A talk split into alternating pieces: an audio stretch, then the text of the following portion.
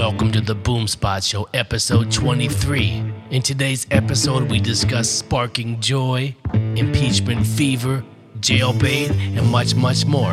Thanks for subscribing and enjoy the show. Hey, everybody, welcome to the Boomspot Show. This is Dor. This is Tommy. What's going on? We're here to give you your 24 hour impeachment hearing coverage. Not really. No, not really. It never stops, though, does it? No, it's it's supposed to be all week, and I think there's even more stuff going on next week, as far as I know. Yeah. Yeah, I know the next, you know, there's it's going all day today. I think all day tomorrow and Thursday as well. So Mm-hmm. there was two people in the morning, and there's two people right now. So just Volker's dropping the bomb. Yeah, yeah. yeah, yeah. It's just ridiculous. I don't know how the Republicans are defending all this crap, but that's, I guess that's how it is. Yeah, that's just the sword they want to fall on. I don't think they want to lose their seats.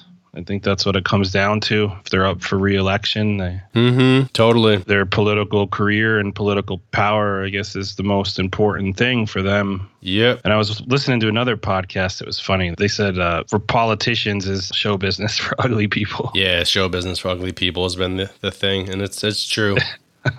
So it's very entertaining right now. yeah, they have the faces for radio for sure. There's that one guy. I literally have to mute him every time he talks. He's uh, Jim Jordan, Oh yeah, that guy's a bastard. I think he's like a former teacher, wrestling coach. wrestling coach. That's what it is. Yeah, yeah, yeah. yeah, like he looks all disheveled and Yeah, he always has the comb over and the sleeves rolled up. They were clowning him on set on SNL last week. Oh God, I didn't watch that. I have to see it. but yeah, I mean, he just barks, screams, and yells, and it's just it's very nerve wracking. He's not coherent at all, and I'm like, this is the best they have. I I don't have anybody better than this. Yeah, and every single time it's just basically Schiff telling him to stop trying to reveal the identity of the whistleblower. Yeah, that's right. Exactly. Every time.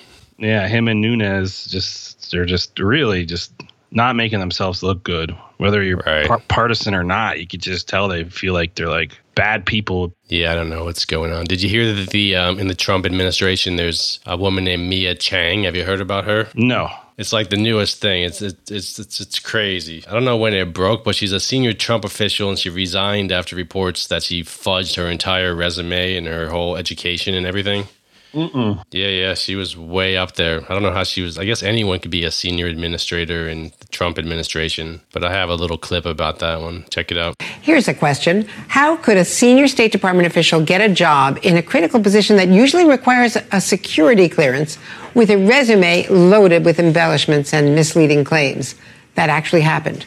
According to an exclusive NBC News investigation in April, Mina Chang was appointed Deputy Assistant Secretary in the State Department's Bureau of Conflict and Stability Operations. On her resume, she falsely claimed to be a Harvard Business School alumna, said she addressed both the Democratic and Republican national conventions, get that, and implied she had testified before Congress. Chang also said she had been featured on the cover of Time magazine for her work as CEO of a nonprofit called Linking the World. None of that is true. In a 2017 video posted on her nonprofit's website, she's asked about the cover. Here you are in Time Magazine. Congratulations. Let's tell me about this cover and how this came to be. Well, uh, we started using drone technology in disaster response, Uh-huh. and so that was when the whole talk of how is technology being used to save lives in disaster response scenarios Mm-hmm. are being used, and um, I suppose I brought some attention to that. I guess she did.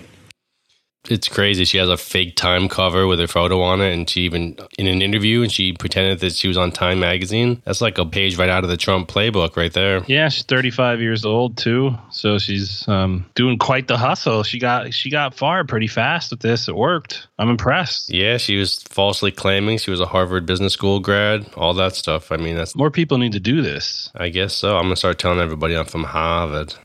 Yeah, I went to Harvard. I went to Princeton. I think she got away with it because she's not too hard on the eyes. She's like a, she looks like a TV show host or something, like a news host and an anchor, right? So she's pretty attractive. Yeah, she's a pretty attractive Asian lady. hmm Young, attractive, meets all the credentials. Oh yeah, oh yeah. Let's hire her. Let's get her on our promo team. Yeah. So what's what's the deal with that? Can she go to can she go to jail? I mean, that's like uh, fraud, isn't it? Identity fraud or like lying for a government position, I'd have to think she's going to see some time in jail. Yeah, I'm not sure how that works, but I think she resigned. Yeah, she wrote her resignation immediately. I'm not sure if there's anything Well- criminal there. Maybe. Well, for lying and forging your way into a government position, I don't know. Either way, she's probably going to win. Young and attractive. She's going to have a, like a book deal, a, probably a reality show, go on all the talk shows, late night talk shows. Right, right. I guess her cop out is that she didn't commission the Doctor Time magazine cover, so somebody else made it for her and she just ran with it. So she's thinking she's off the hook. Can we get a drummer some, y'all? Can the drummer have some more? Said the drummer ain't had none in a long time. Come on, drummer, give it some. Oh, dig that beat. Good. Hey. I know that we have talked about superbugs and viruses on previous podcasts, and I remember I was telling you about C. diff. Yeah. I came across this clip that kind of has to do with that. Listen to this.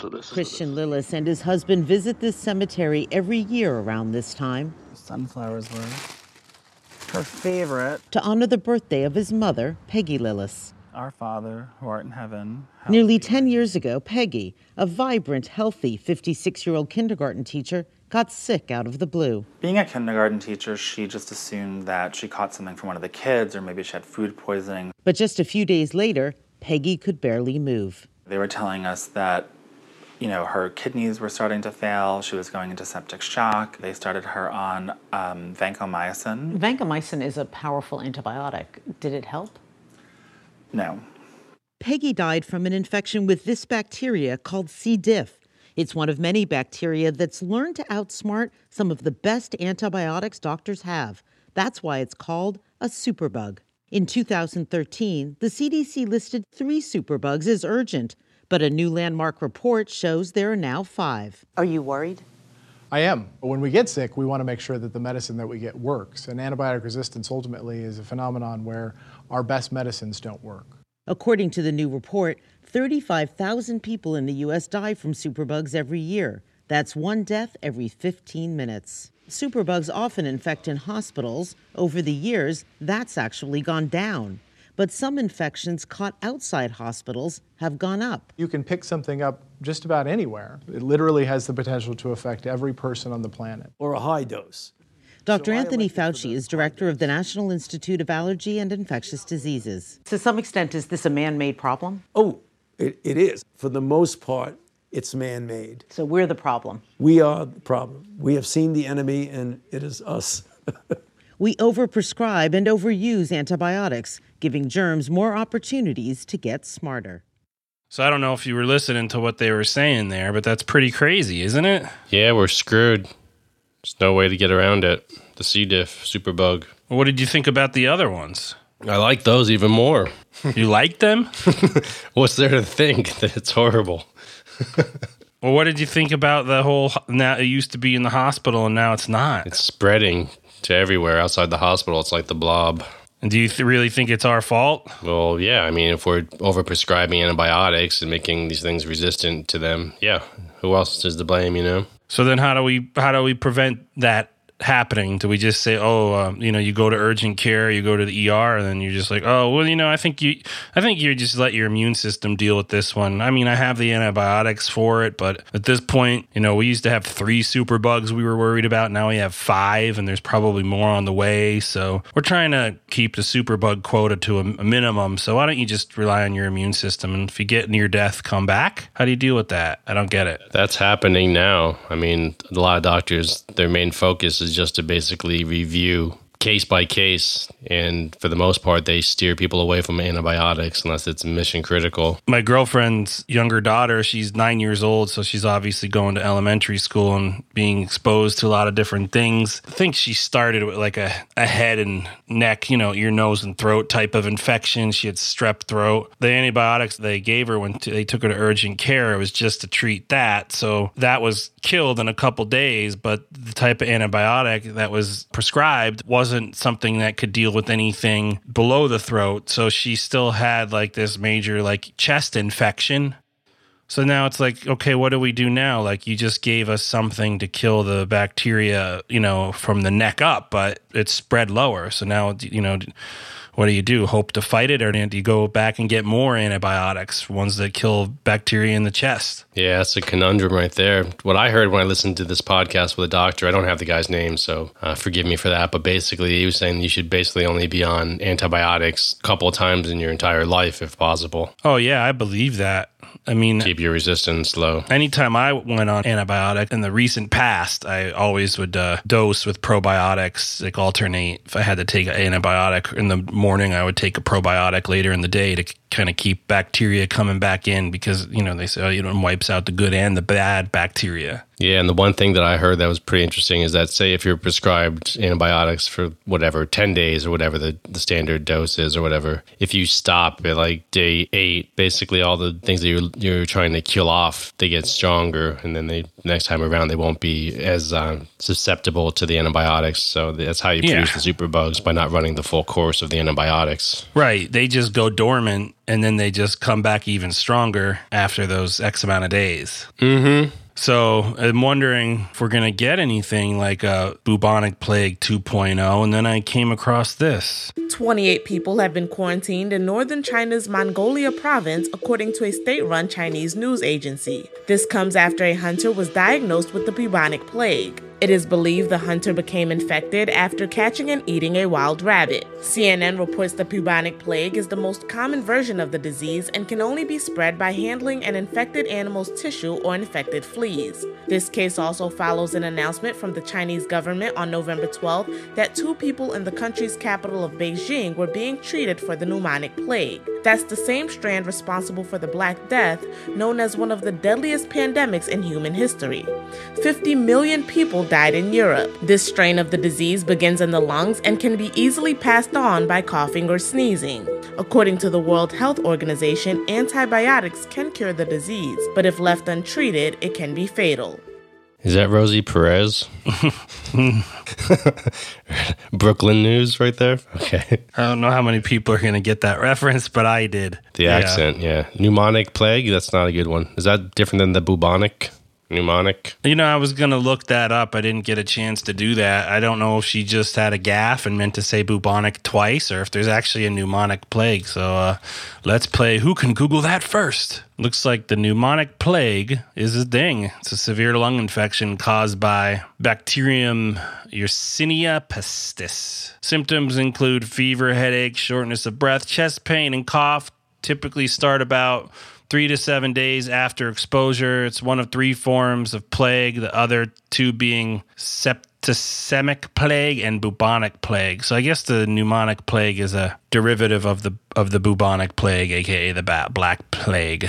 This one just kind of hits the lungs. I'm out of I'm out of my depth. I'm out of my depth here with the plague. So they're in China. I know. Let's hope it doesn't get here like the bird flu and all those other ones. It's still around. I just wonder, like, if the, if um we've been blessed the past few decades or so, or ye- hundreds of years or so. Like, we used to die from the common cold and the flu and childbirth and all of those things. We used to only live till like be, living in your late 30s was considered like a f- full lifespan. At one point, Yeah, all it takes is someone to hop on a plane and start spreading it when they land. but we could always get a flu shot. Each year in the U.S., hundreds of thousands of people are hospitalized because of the flu, and tens of thousands die from it. Getting the flu vaccine each year offers the best protection. And even if you still catch the flu, the vaccine can reduce the severity. Everyone, six months and older, should get the flu vaccine every year. Do you get it every year? I never get it. Do you get the flu? I'm a hermit. No, I don't get the flu ever. All right. Knock on wood. Yeah. The one year I got it, uh, that's when I got a nasty flu. And then the other years I didn't get the flu shot. Yeah, that's the risk. There's always a small chance that you will get the flu because it contains the flu.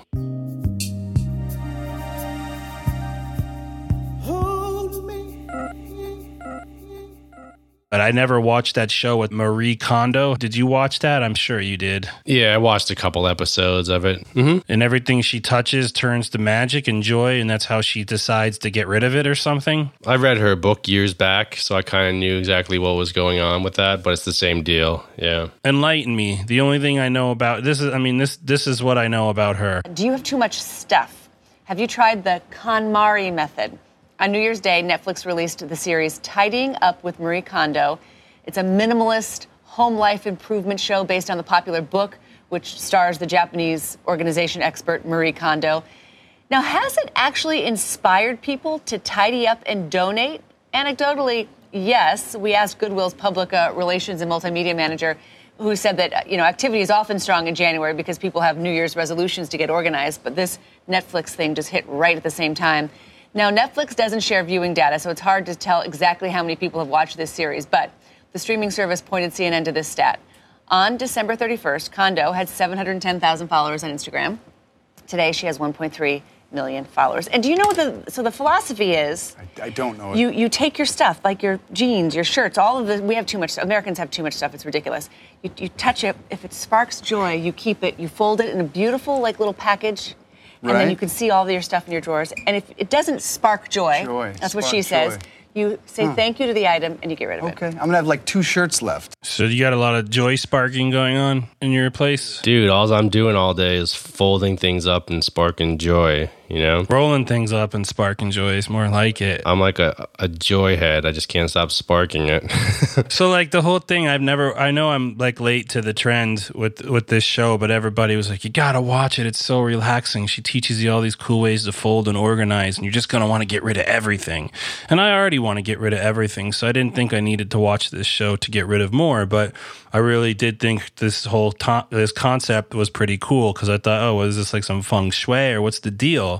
It's sort of like the feng shui type thing, yeah. So I got into it a while back. Like I said, I read the book, and I think I also downloaded the audiobook somewhere. I don't know where I got it, but I could hook you up with it if you need it. But basically, it just motivates you to go through all your crap that you never use or touch or like and just throw it out. And it feels good. It's kind of like spring cleaning, Yeah. but with a more zen type of vibe to it. I did that with my walk-in closet about a year ago and got rid of like 40% of my clothing and it felt pretty good, but I, Yeah, I it's need to go good. back in and I need to do that again. It's just a really hard thing to like work your mindset up to cuz you're like, "No, if I lose 10 pounds, I could fit into that shirt." And, "Oh, this shirt feels so good. I just haven't worn it yet cuz that color is not really something I know how to Yeah. match with other stuff. But, anyways, like the reason I'm bringing her up because I'd like to use her to segue into our streaming discussion. But We have more news, man. We have lots of news, but do you have a streaming thing that's related to that? I was just going to make a point about her, and then I was going to pivot to like some follow ups on the shows that I have been recommending, just to kind of give you a little bit of insight as uh, what I'm thinking or feeling. But we could go, we could v- revisit that later in the episode. I don't care when we talk about it, but I figured since this had to do with the streaming show, I would just kind of Yeah. stay with the with That's the fine. entertainment segment. Yeah, as far as the uh, organizing, my rule is if it, I haven't touched it or worn it in a year, I donate it.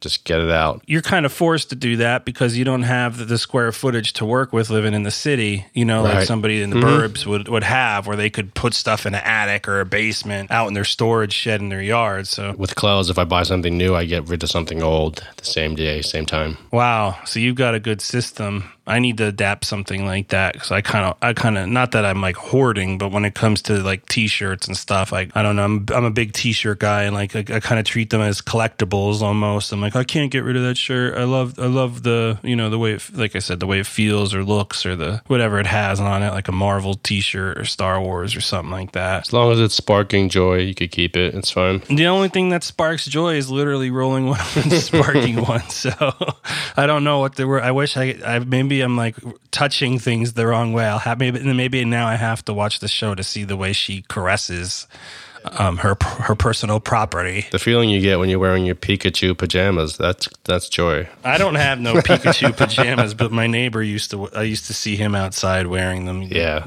Uh, um, it's like, oh my god. The one last thing I wanted to say about Marie Kondo is like she had this, her whole thing is about getting rid of stuff, but she's just launched a website now. She wants you to buy shit. So the cheapest thing you could get on her website right now is ceramic chopstick set. What's the website? Yeah, um, I'm trying to find that for you. I don't know the name of the website. I'm just reading the article. i think I found it. But she has um you could get leather slippers for 200 bucks. They're leather and they're handmade in Tokyo. KonMari.com. She sells uh se- she has seven categories: aromatherapy, bath books, cooking and kitchen, decor and living, tabletop and entertainment, and tidying and organization. Look at this, a large serving bowl, 220 bucks. Large cheese knife, 180, so it's high end simplistic stuff. Yeah, it is. So like, hey, get rid of shit and then buy this.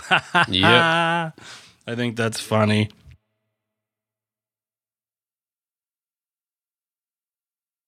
We've been getting feedback from listeners. They like when we talk about things to stream. I'm just gonna um, cast another vote. If you have not seen The Mandalorian, I've watched the, the two two episodes that are out so far, and that show is by far one of the best shows I've seen in a while. It is super entertaining. I absolutely love it. Nice, nice. Yeah, I saw the first episode. Didn't watch the second one. I thought it was well done as far as the uh, the special effects and everything. Oh yeah, It hasn't stuck with me yet. That's a pretty good show.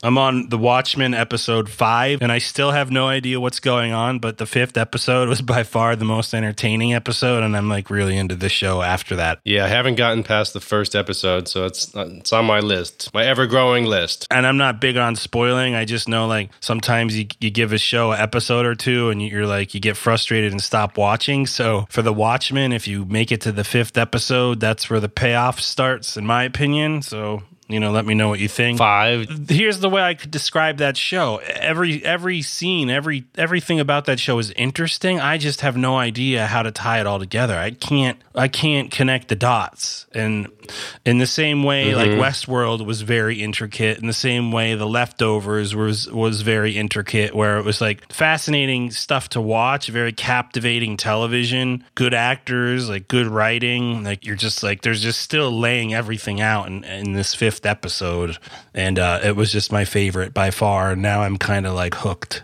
It's a slow crescendo to the action. Okay. No, I mean, there's action. It, it starts off with action, you know? Um, there is a lot of action. I just don't understand what's going on. Like I said, it's hard to really talk about a show without, I don't want to spoil it for people. I hate when people spoil the show for me. So my goal when I share these recommendations is to give as much information as I can to enhance your viewing pleasures and not um, taint your expectations. You said taint. Okay.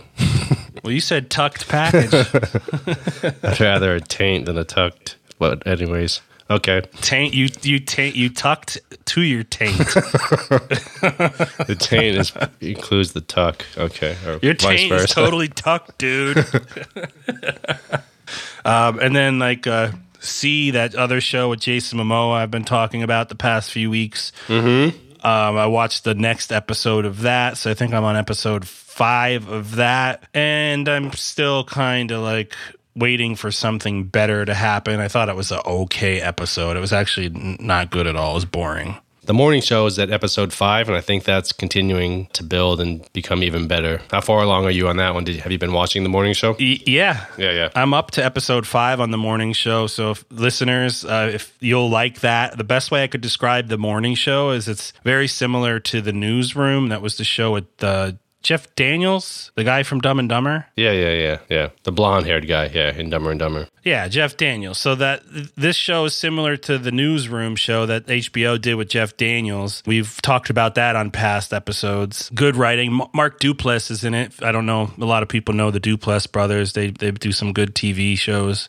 Some good writers, some good actors. So Jennifer Aniston's great. Reese Witherspoon's great. I really enjoy the plot. And uh, what's his name? The guy from The Office. Steve Carell. Yeah, he's great. So I I definitely say that's a must watch. I like it a lot. I really do like that show. And I actually did watch the pilot of Steve Carell's Office the other night because I know I kept getting my balls busted for not seeing it. Mm-hmm. I was just going to ask you like the first episode, it seems like someone's holding a camcorder the whole time and like recording them around the office. Is that how every episode is? It's a lot of that where they basically talk and then they make a joke and then pan to the camera and things like that. Yeah, because I was having a hard time with the screen wobble and bobbling the whole time. Yeah, I'm not sure if it gets better than that, but I know what you're talking about. Okay, but I did enjoy it. It was entertaining. It was cool to see the backdrop of Scranton, our hometown, Mm-hmm. um, in the opening credits of the show. Hey, you know what just came out? I don't know if it was in theaters for very long, but It Chapter 2 is out now. That uh, that was out a while ago. You mean it's out on DVD? Oh, yeah, it came out in September. Yeah, yeah I think it just was just released to video. Joe just released a video. Nice. Yeah. The, the, the- yeah, I believe so. The big one everybody's talking about right now that's uh, in the realm of Stephen King and horror is um, Doctor. Is it the show? Is the movie called Doctor Horror or Doctor Sleep? Did you hear about Doctor Sleep? It's like supposed to be the sequel to The Shining, and that just came out about a week ago. It's got a 7.7 on IMDb, 77% 87% of Rotten Tomatoes. That's in theaters? Okay. Yeah, so struggling with alcoholism, Dan Torrance remains traumatized by the sinister events that occurred at the Overlook Hotel when he was a child. His hope for a peaceful existence soon becomes shattered when he meets Abra, a teen who shares his extrasensory gift of the shine. Yeah. Together, together they form an unlikely alliance to battle for the true knot, a cult whose members try to feed off the shine of innocence to become immortal. Whoa! So yeah, that's the latest uh, Stephen King movie that's out, and it's the sequel to The Shining, and I guess it's the kid from The Shining. No spoilers, but I hear the kid gets a DUI on his big wheel. Oh, jeez. that was, man, some like classic Stanley Kubrick there. That's some of my favorite cinematography ever in, in, mo- the history of movies. Just wa- I could watch that movie on mute and be completely engulfed in it. So scary. Yeah, very scary. Yeah. So this is the sequel. Nice. Ebert we'll see how it gave lives it up. th- gave it a three out of four, so I don't know what that means. he changed his his score is four. Okay, I, that's interesting. Th- three out of four. Yeah, on the scale of one to four. Okay, got it. Metacritic gave it a 60, a 60, and the users gave it a 6.5. I got a friend that saw it that said he liked it a lot. You know, I have like the my one buddy literally sees like every movie that you kind of want to see or definitely want to see like the very first day they're out. So he like beats everybody to it. Oh, nice, nice. But um, is Once Upon a Time in Hollywood available yet or Ad Astra? I don't think it's been released yet. I think it's December. That's coming to streaming and DVD and whatever Blu-ray. Oh, okay. I'm just seeing on Metacritic it says current movie releases. I'm like, oh, is that in theaters or? So yeah, what, what you were saying about the sequel of It? Yeah, it looks like that. Like I said, that was just released to streaming, as far as I know. So we'll check Right. that out. I have it queued up. Cool, as you know how I do. Word. So we'll check that one out. What else we got? Yeah, I know I mentioned this before, but like the Watchmen got a 85, but again, the the the, the critic score is 85, the user score is 5.7. So I could see the polarity there with the user score being right down the middle. Yep. Because it's confusing as hell. Oh, and then yes, that show that I tried to tell you to watch, I don't know if you watched it yet. The show is called Evil. Yeah, I haven't had a chance to check that out. Yeah, this show is really good. And it's I usually don't watch shows on like NBC, CBS, or like uh, ABC. I'm, I'm like always watching stuff on Netflix or HBO. Mhm. Or in this show, basically like the premise is this guy is a priest and he recruits this forensic psychologist and like another guy who's like a tech guy to help him evaluate like phenomena that the church reports. And he, they want him to come up and dif- differentiate if it's like there's a scientific explanation or if it's actually supernatural. So it kind of has like that vintage X Files vibe where like you had Mulder and Scully going in and trying, you know, like Mulder was always the one that believed and Scully was always the debunker. Mm-hmm. Debunker, yeah. So it has that element in this show that makes it really engaging. And I think the guy who plays the priest is the guy that played Luke Cage in the Marvel series on Netflix. I think so. Don't hold me to it. But um it's cool. He's a priest and like in the show, like he'll even he even like uh trips out and drinks mushroom tea mushroom tea and starts hallucinating these visions and they're like these like apparitions of religious relevance and they mean something and I don't want to give too much of the show away, but it's in its first season. If, if you could get a hold of it, it's straight up called Evil. It's on uh, CBS. Okay, It's- yeah, that is Luke Cage. It's Mike Colter from Yeah. Luke Cage.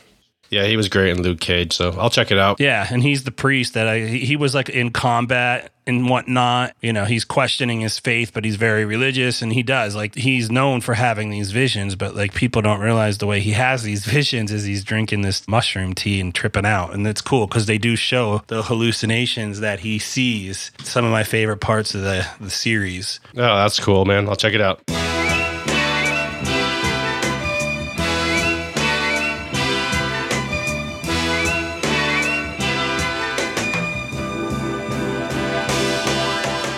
Hey, so did you hear about the Straight Pride Parade in Dallas? What? Yeah, it was a huge success. Apparently, three people total showed up. Oh my. yeah. They did one of those in Boston. We covered a while back. Remember that? Yeah, yeah. I did some research uh, about the uh, Straight Pride Parade, and I, I found this pretty entertaining clip. Check it out. Listen to this. Now, if you're wondering, if you're wondering the difference between the gay pride parade and the straight pride parade, the gay pride parade will have women at it. All I have on the matter. That was funny. Who was that? Colbert. So does it really count as there's only three people? I don't know about that. Is this legit? I don't. I'm just confused. So I, you told me there's a gay pride parade where, and then three people showed up, and then he had a little quick one-liner that kind of went over my head. Yeah, because the straight people that are forming their own straight pride most likely don't have any luck with the ladies because they're typically losers. Oh, I get it. Okay. Yeah. So it was more of a straight pride gathering of three.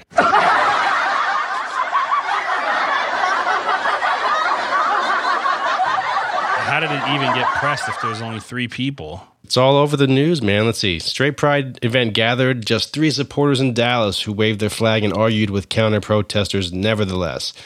Two members of Super Happy Fun America, SHFA for short, is a group advocating for straight rights, turned up to protest after claiming the original event had been postponed. The men were seen confronting counter protesters carrying a transgender pride flags who approached them. And then the one yelled, Are you heterophobe? Are you a heterophobe? oh my God. The other claimed he'd been sacked from his job for being straight. You know, the the the right is going to say the Koch brothers paid these crisis actors to go there and to pretend to be part of the straight pride parade with its two attendees. They turned up to dis- express their freedom of speech. And the guy said, I knew attendance would be low, but I couldn't stop laughing when I saw it was just them. Oh, that's the activist with an LGBTQ group. LGBTQ group magazine advocate was laughing at them because there was only three people there. Oh well, ba- baby steps. This event was organized by the alt right hate organization Super Happy Fun America and an anti LGBT group called Protecting Our Next Generations, which shares ridiculous, hysterical lies to promote its agendas.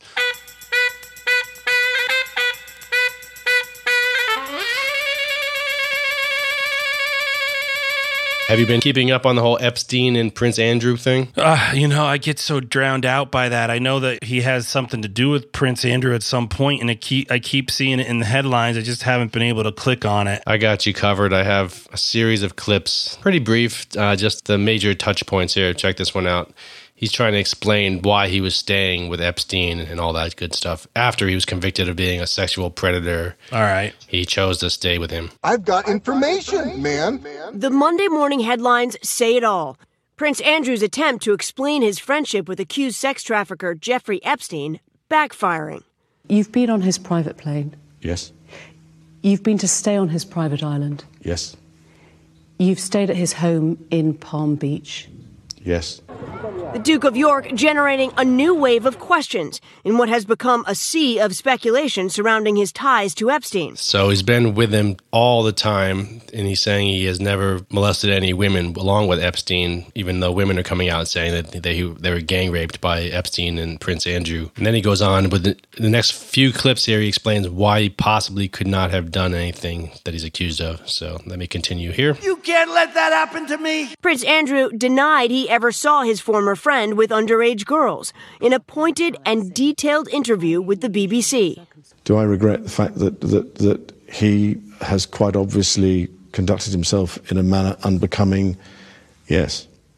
Unbecoming. He was a sex offender. Yeah, I'm sorry, I'm being polite, um, in the sense that he was a sex offender.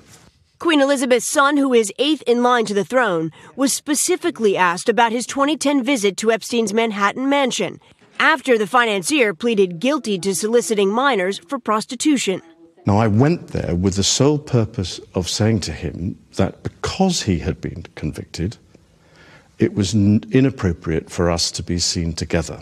Okay, so there's that, and he's saying he was going there to apologize, and there's photos all over the internet of them walking in New York, and he, I guess that was the breakup speech or the breakup meeting that they had. So there's one more short, short clip to wrap it up, and then we could discuss. Prince Andrew linked to Epstein in a 2015 defamation lawsuit against Ghislaine Maxwell, Epstein's one time girlfriend.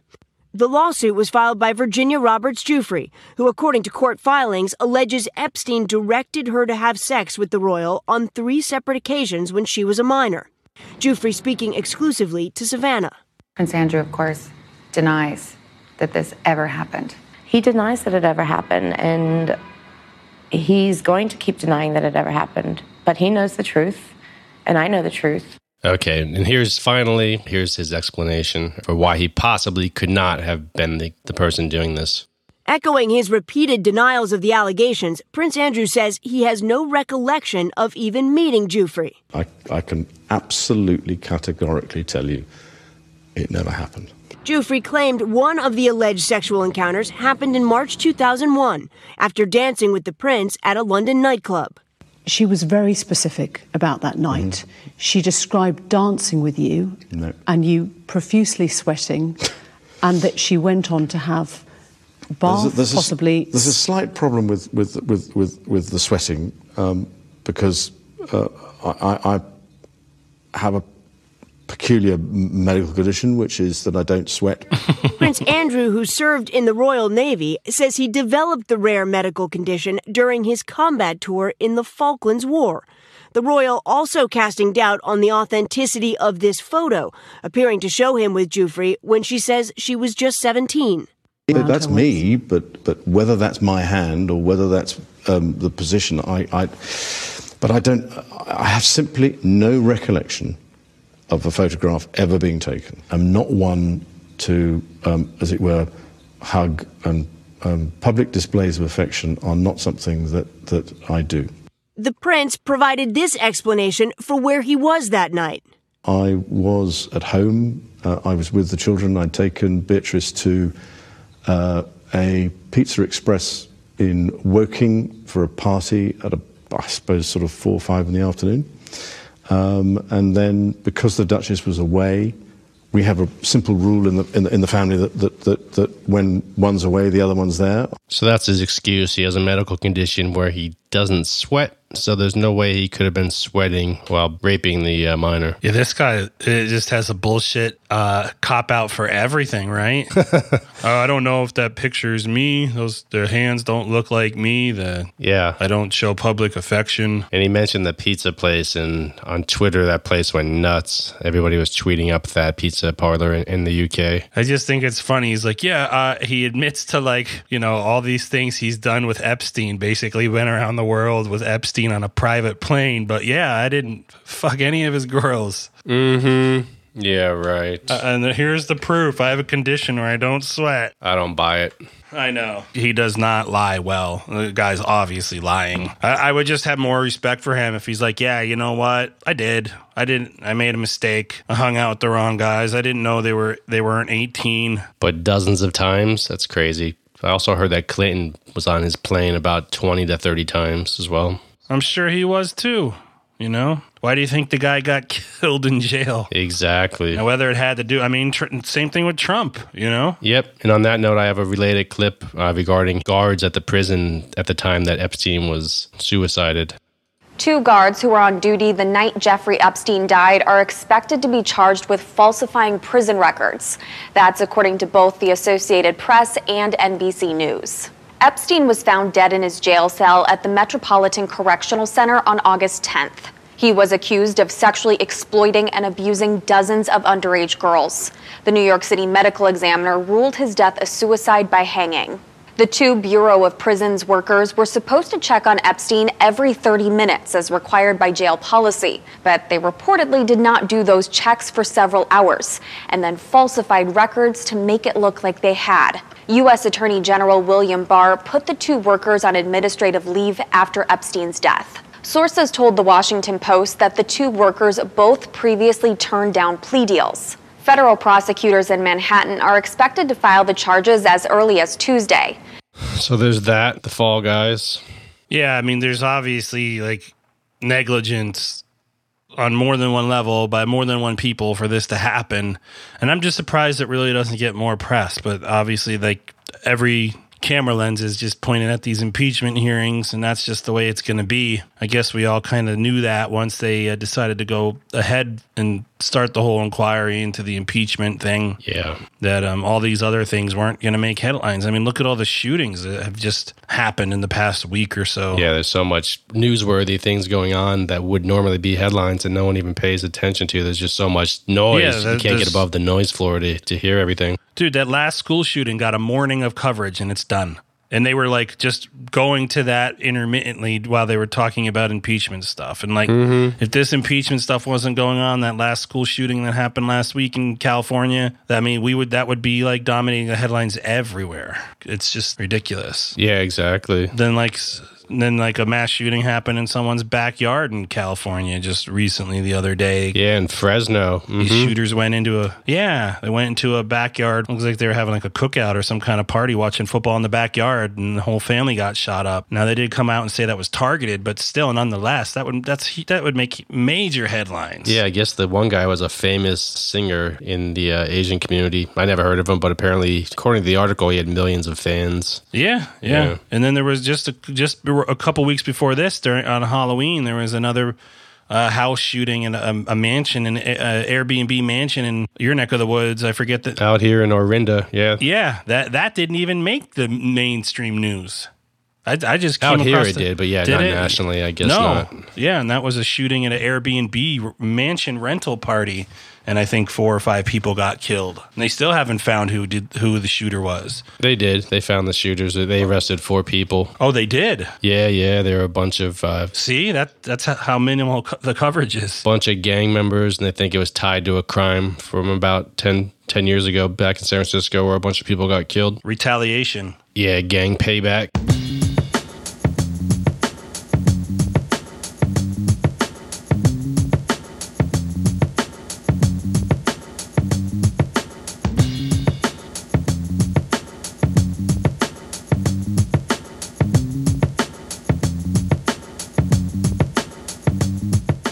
Apparently, there was this young girl out in the San Francisco Bay Area, not too far away, walking on a path somewhere in her neighborhood and was molested by some old man. Sheesh. Yeah, the guy like came up to her and groped her. Was he like, I don't see nothing wrong? It wasn't R. Kelly. I think he's still in jail. the little girl's father is a prosecutor or a judge, and what he decided to do was basically set up a hidden camera on the same girl, the 13 or 12 year old girl, and send her out to the location, hoping that the predator would be out there again and that he could catch the guy on film molesting his daughter for the second time. Oh my God. Check this one out. First, a developing story out of the South Bay where a Santa Clara County prosecutor could face charges of endangering his own daughter. Good evening, I'm Juliette Goodrich. And I'm Brian Hackney. According to a stunning report in the Mercury News, the prosecutor allegedly used the 13 year old as bait to catch the man accused of molesting her. Police were already looking for the suspect themselves after the girl reported he had approached her at least five times as she walked her dog on the Los Alamitos Trail. She said the last three encounters ended with the man inappropriately touching her. According to police reports obtained by the paper, the girl's father then brought her back to the same spot to record the man's incriminating actions on video while they kept in touch via earbuds. Once he got the video he needed, he turned it over to the police. Officers arrested 76 year old Ali Mohammed Lajmiri on Tuesday. He's being held on $3 million bail, charged with lewd and lascivious acts with a child under 14. But the paper reports that state prosecutors are also exploring possible child endangerment, endangerment charges against the girl's father. Santa Clara County DA's office told us in a statement We have recused ourselves from the handling of any filing decision and prosecution of any matters related to the situation. We cannot answer any case questions because we are not handling the case.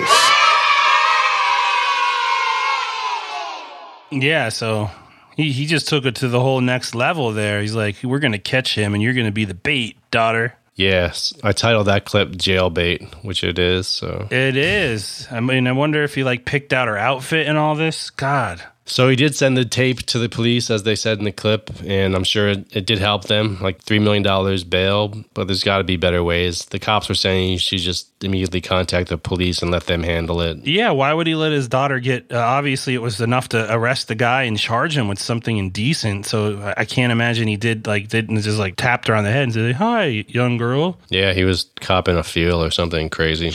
So why would you even let that happen to your daughter? I guess you just want to catch the person that bad. You just your judgment gets clouded and you use your daughter as bait. But uh, Yep, not good. I don't think that was the right thing to do. no, no, no.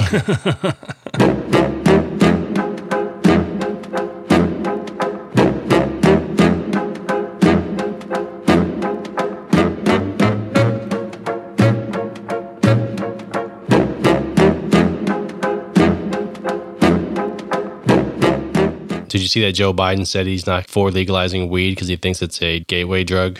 Say what? I don't like that. I don't, I don't know why he's doing that other than just to try to stay appealing to the uh, moderate Democrats. Yeah, he, he's saying more research is needed to determine whether or not it's a gateway to Doritos. I agree. Bernie said he's going to legalize it. Yeah, why wouldn't you legalize it? Like, come on. Bernie said he's going to write it into law within this first 120 days. That's what I'm talking about. What about Mayor Pete? I think that's who they think's going to win now is Mayor Pete. Yeah, he's for legalization. He admits he toked once in a while back in the days. I'm sure he did. Yep. Most people are for it, just not the old white guy. I don't think he ever has been, so he probably just is still sticking to his guns. And I think that his approach is just to appeal to the conservatives on the Republican Mhm. side that would be, you know, want to go away from Trump. It'd be easier for them to side with the Democrat if he's anti pot. Yeah, he's like the most middle of the road candidate, I, I would say at this point. I was listening to something earlier, and someone was saying, I think it was MSNBC, and Joe Scarborough was saying that Elizabeth Warren was a longtime Republican. I didn't know that. I didn't know that either. Yeah, I guess she changed over to the Democratic Party at some point. I don't know what the history is, but that, that's interesting. Yeah, and I like her. I think she'd be great because I feel like we need a, a woman president. That was what was supposed to win it in 2016 for us, and it didn't. Backfired. I know people are just so scared of her socialist ideals. Wanting to do away with big tech, free healthcare, all that crazy stuff. But I'm kind of like, I like that far left thing. I'm like, not like it's going to happen overnight and people are going to lose all these things that they once had. I know that's the big fear that keeps the Republicans Republicans and conservative is they think that if like a, a liberal left gets in office, they're going to lose whatever it is that they have, like their guns and freedom. Exactly. So I kind of like Bernie. I just think Bernie would be the man to, to do it. But I like Mayor Pete. I like Elizabeth Warren. I'd be okay with Biden, but I just anything I've seen of Biden, I just it's hard to kind of root for because he just doesn't seem very witty. Yeah, yeah, yeah. And I'm not going to say it's an age thing. I don't discriminate with age. I just don't know. I just don't understand what's going on with him. He just really hasn't connected with me yet, and I thought he would. Yeah, he's just kind of blah, you know? And I think Hillary might hop in the race, so that's always a last minute possibility. That's going to be a win for Trump if Hillary jumps in. No kidding. So Mayor Pete to the rescue. Yeah, I don't know. That'd be interesting. First gay president. I don't know if America's ready for that, but maybe. And he's a moderate, so they're saying that you need somebody, you can't have somebody who's too far left. Even though Michael Moore says that Bernie could beat Trump in all those battleground states, hands down. Michael Moore predicted that Trump was going to win, and he says that Bernie could kick his ass in the polls. It's just mind boggling that all this is such front and center news. You know, the elections, of course, the Trump thing, but the elections, and it's we're like a year out. It's Yeah. ridiculous. I mean, It's like I think- three year process building up to this. It's I think there's more impact in this election than there ever will be. I mean, it's just trying to restore decency more than anybody wants to vote for anybody particularly. I just think people want to be restored to decency. There's just too much divisiveness, and Mm-hmm. it's just we need to go back to like the moral integrity and like not insulting and.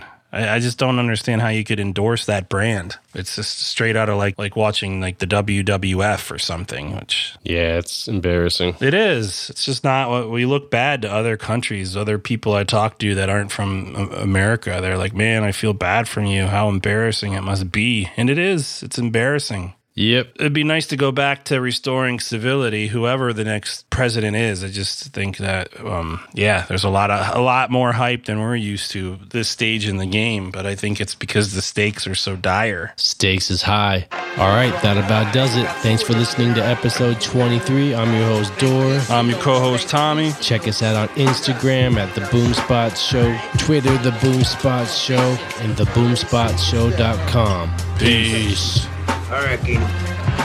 Listen to this. I'm focused, man. Our country is in serious trouble. Listen to this. I don't like them putting chemicals in the water that turn the friggin' frogs gay. Silence.